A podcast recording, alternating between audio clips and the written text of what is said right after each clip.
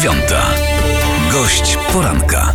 A gościem poranka jest pan dr Robert Reczkowski z Katedry Bezpieczeństwa Narodowego Uniwersytet imienia Mikołaja Kopernika w Toruniu. Witam serdecznie, panie doktorze, dzień dobry.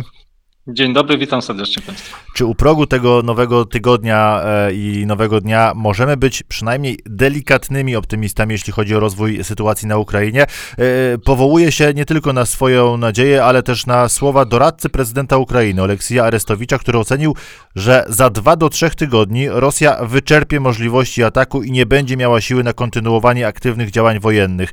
To takie myślenie życzeniowe Ukrainy, czy coś w tym jest? E, coś w tym jest, bo ja już zresztą wielokrotnie też w swoich wypowiedziach zwracałem uwagę, że kluczowym czynnikiem jest czas. E, dla Rosji czas, czasu tak naprawdę, którego Rosja nie ma. E, czas, który sprzyja stronie ukraińskiej, chociażby na tą determinację strony zachodniej w zakresie dostarczania e, pomocy humanitarnej czy sprzętu, przede wszystkim uzbrojenia. Jeśli chodzi o Rosjan, to no, kurczą mi się zasoby, tak? E, z każdym dniem spada morale wojsk. Jeśli chodzi o zasoby, to wspomnę tylko to, że Rosjanie coraz bardziej sięgają do swoich głęboko swoich magazynów, używając broni już, która ma tak naprawdę kilka bądź kilkadziesiąt lat. E, chociażby tutaj wspomnę o ostatnim takim zeszłego tygodnia sytuacji, kiedy wypuszczono w powietrze Su-57, czyli rosyjski odpowiednik zachodniej konstrukcji piątej generacji samolotów, natomiast uzbrojono go w pociski CH-59.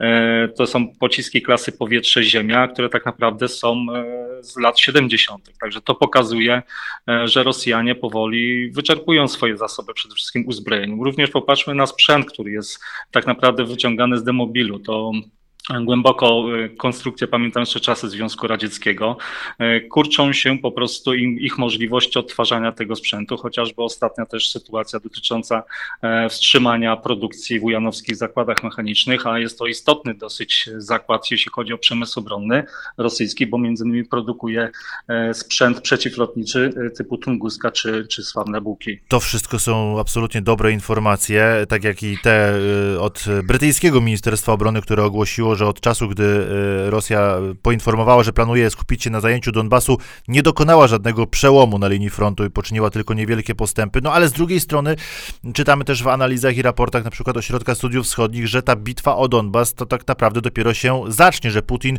e, dopiero e, wciąż jeszcze gromadzi swoje siły i do takiego głównego uderzenia nie doszło.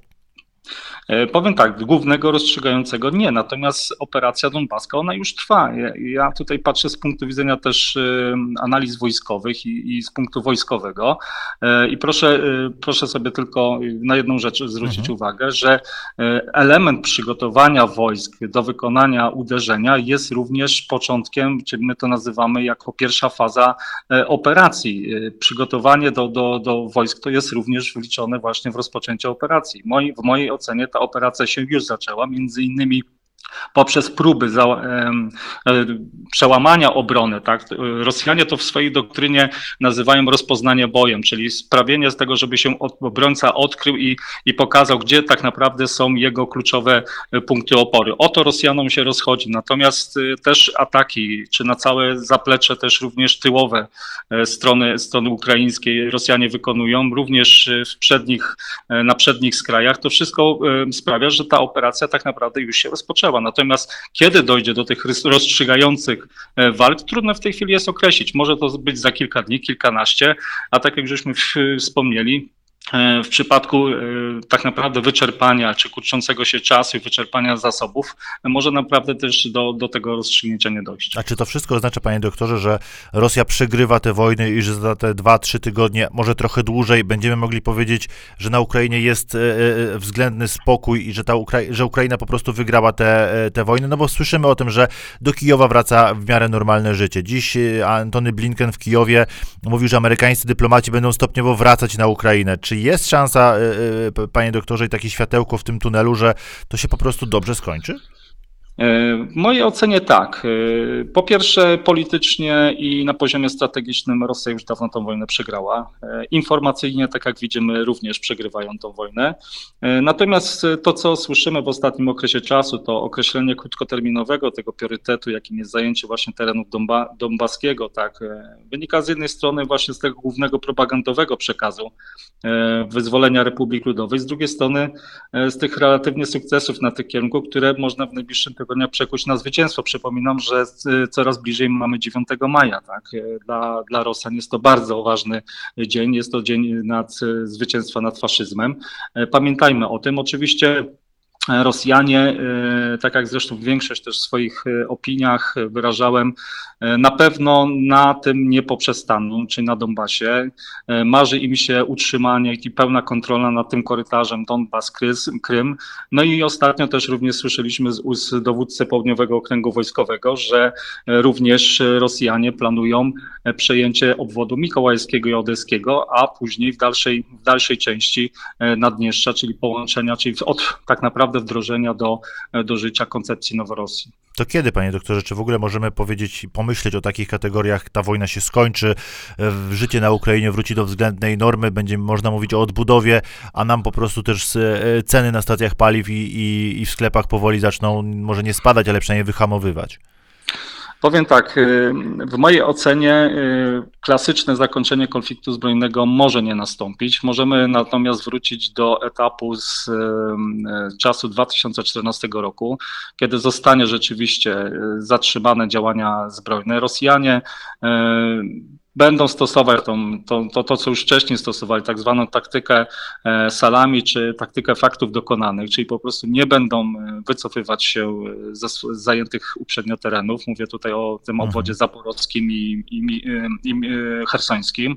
E, tak jak już widzimy, już pierwsze są przymiarki tak jak było do tej pory, czy z Krymem, czy, czy z Ługańskim obwodem, czy, czy Donieckim, będą próbować stworzyć quasi e, kolejne republiki separatystyczne, e, to wszystko spowoduje to, że będziemy mieli tak naprawdę wojnę pełzającą, czyli od czasu do czasu będą jakieś tam walki trwały, być może dojdzie do tak zwanego Mińska 3, czyli kolejnej rundy rokowej. No, to, czego się obawiam, oczywiście Ukraina będzie wracała do, do życia, bo musi wrócić do życia, normalnego. Natomiast jeśli chodzi o te wschodnie obwody, no tutaj podchodzę bardzo tutaj sceptycznie do tego, bo widzę, że Rosjanie raczej będą dążyć do, do tego, że się z tych terenów nie wycofają.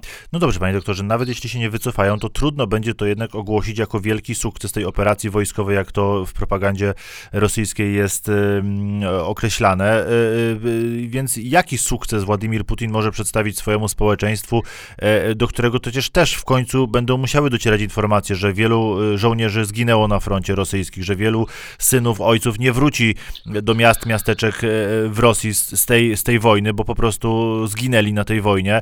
E, więc zastanawiam się, czy Putin ma jakąś furtkę, by powiedzieć nawet na użytek mocno podkręconej propagandy, tak, udało się, wszystkie cele zostały osiągnięte. Przecież no, każdy widzi, że tak się nie dzieje.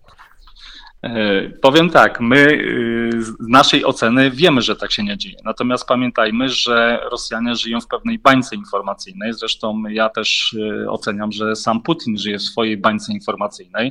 Natomiast propagandowo Kreml to będzie na pewno rozgrywał w kontekście tych dwóch celów y, specoperacji. Przypomnę o de demilitaryzacji Ukrainy i denazyfikacji. Jakikolwiek sukces, a w szczególności to, co w tej chwili obserwujemy na wschodzie Ukrainy, będzie przekuwany właśnie na, e, w kontekście tych osiągnięcia tych dwóch celów. Demilitaryzacja w pewnym sensie Rosjanom się udała, e, bo w zależności też jak jest e, pojmowana, jak jest rozumiana przez stronę rosyjską demilitaryzacja. Na pewno będzie to rozpatrywane w dwóch kategoriach, czyli osłabienie siły wojskowej ukraińskiej, co tutaj bym się raczej nie zgodził, bo widzimy, że Ukraińcy e, bardzo mocny opór stawiają wojskom rosyjskim. Natomiast druga rzecz to jest osłabienie przemysłu obronnego, który jest głównie skupiony na, obwod- na tych terenach wschodnich. No i tutaj niestety jest to prawdą, bo większość zakładów zbrojeniowych została zniszczona, jeśli chodzi o zakłady ukraińskie. Natomiast ten drugi cel, denazyfikacja, e, no tutaj symbolem jest e, już słynny Mariupol i ten pułk Azow, który, który Rosjanie traktują jako puk nacjonalistyczny i tak jak było pierwotnym celem, zajęcie Kijowa i usunięcie rządu żałęskiego, czyli zdenazyfikowanie e, rządów ukraińskich, no to tutaj cel, ten cel minimum, czyli likwidacja pułku Azów na pewno będzie przekuta właśnie ten propagandowy wymiar. I Rosjanie być może prawdopodobnie 9 maja właśnie ogłoszą, że dwa główne cele specoperacji, czyli demilitaryzacja, denazyfikacja została osiągnięta. Mówimy, panie doktorze, o tym scenariuszu e, e, pozytywnym, jeśli chodzi o e, uspokojenie działań na froncie, ale jeszcze dopytam o takie obawy, które też się pojawiają i których, przed którymi też przestrzegają wywiady brytyjskie czy amerykańskie, czyli możliwość użycia punktowo na przykład środków nuklearnych czy broni biologicznej. Czy pana zdaniem to jest możliwe, że Putin, zdając sobie sprawę mimo wszystko z tego, że ta wojna nie poszła tak, jak sobie tego życzył, e, posunie się do tego i na przykład e, gdzieś punktowo wyśle jedną czy drugą e, bombę nuklearną na Ukrainę. Jest taki scenariusz, trzeba brać pod uwagę, bo w, każdych, w każdym planowaniu działań wojskowych i także niemilitarnych, jeśli mówimy o systemie bezpieczeństwa państwa, również musimy takie, takie scenariusze zakładać, te najczarniejsze. A z tego też powodu, że może przypomnę, może nie wszyscy słuchacze wiedzą, ale Rosjanie w swojej doktrynie najnowszej wojskowej jasno zapisali, że mogą deeskalować konflikt poprzez jego eskalację, czyli między innymi tam dokonali w pewien sposób legitymizacji użycia taktycznej broni nuklearnej. E, drugi aspekt związany z tym, E, że to, co już powiedziałem, że Putin żyje w swojej bańce informacyjnej, tak też nie wiemy, czy rzeczywiście do niego docierają rzeczywiste informacje z frontu, e, może być spowodować to, że Putin zdecyduje jednak użyć się taktycznej broni nuklearnej e, w celu zakończenia, szybkiego zakończenia właśnie konfliktu. No to ostatnie pytanie, panie doktorze, o polską perspektywę. Czy my jako kraj jesteśmy bezpieczni w tym znaczeniu, że Putin nie sięgnie po żadne środki uderzające E, w takich krajach jak Polska, przy okazji testując zdolność krajów e, NATO, całego sojuszu do, do obrony, bo takie były obawy na początku tego konfliktu, na początku tej agresji. Dziś mam wrażenie, że e, patrząc na to, że Ukraina sobie daje radę i że to wsparcie mm, ze strony Stanów, szerzej NATO, Polski, 7 miliardów złotych na, na, na sprzęt, który warty jest tyle, przeznaczyliśmy jako Polska, pokazuje, że no, chyba ten Zachód całkiem się nieźle ma. E, powiem tak, e, e, tak naprawdę Kreml to jest, to jest jego działanie normalne. Ja już to nazywam normalnością. To jest mhm. wywieranie presji, zastraszanie Zachodu. Oczywiście Rosjanie się bardzo przeliczyli, jeśli chodzi, liczyli na rozwarstwienie struktur z Unii Europejskiej, Sojuszu, no bardzo się pomylili. Tutaj jeszcze bardziej scalił, właśnie zjednoczył te dwie organizacje, aniżeli przed wojną, przed 24 lutego. Ja, jeśli chodzi o moją ocenę, my możemy być bardzo e, spokojnie spać, jesteśmy naprawdę bezpieczni. E, sami widzimy po e, że nasza wschodnia flanka cała NATO została bardzo mocno wzmocniona. Działają pewne instrumenty, które artykuł 5, tak, artykuł 4, bo były konsultacje. To wszystko działa i z tego, z tego trzeba się cieszyć. Oczywiście Rosjanie będą na pewno próbować nas, ale w jakikolwiek inny sposób męczyć, mówię w cudzysłowie.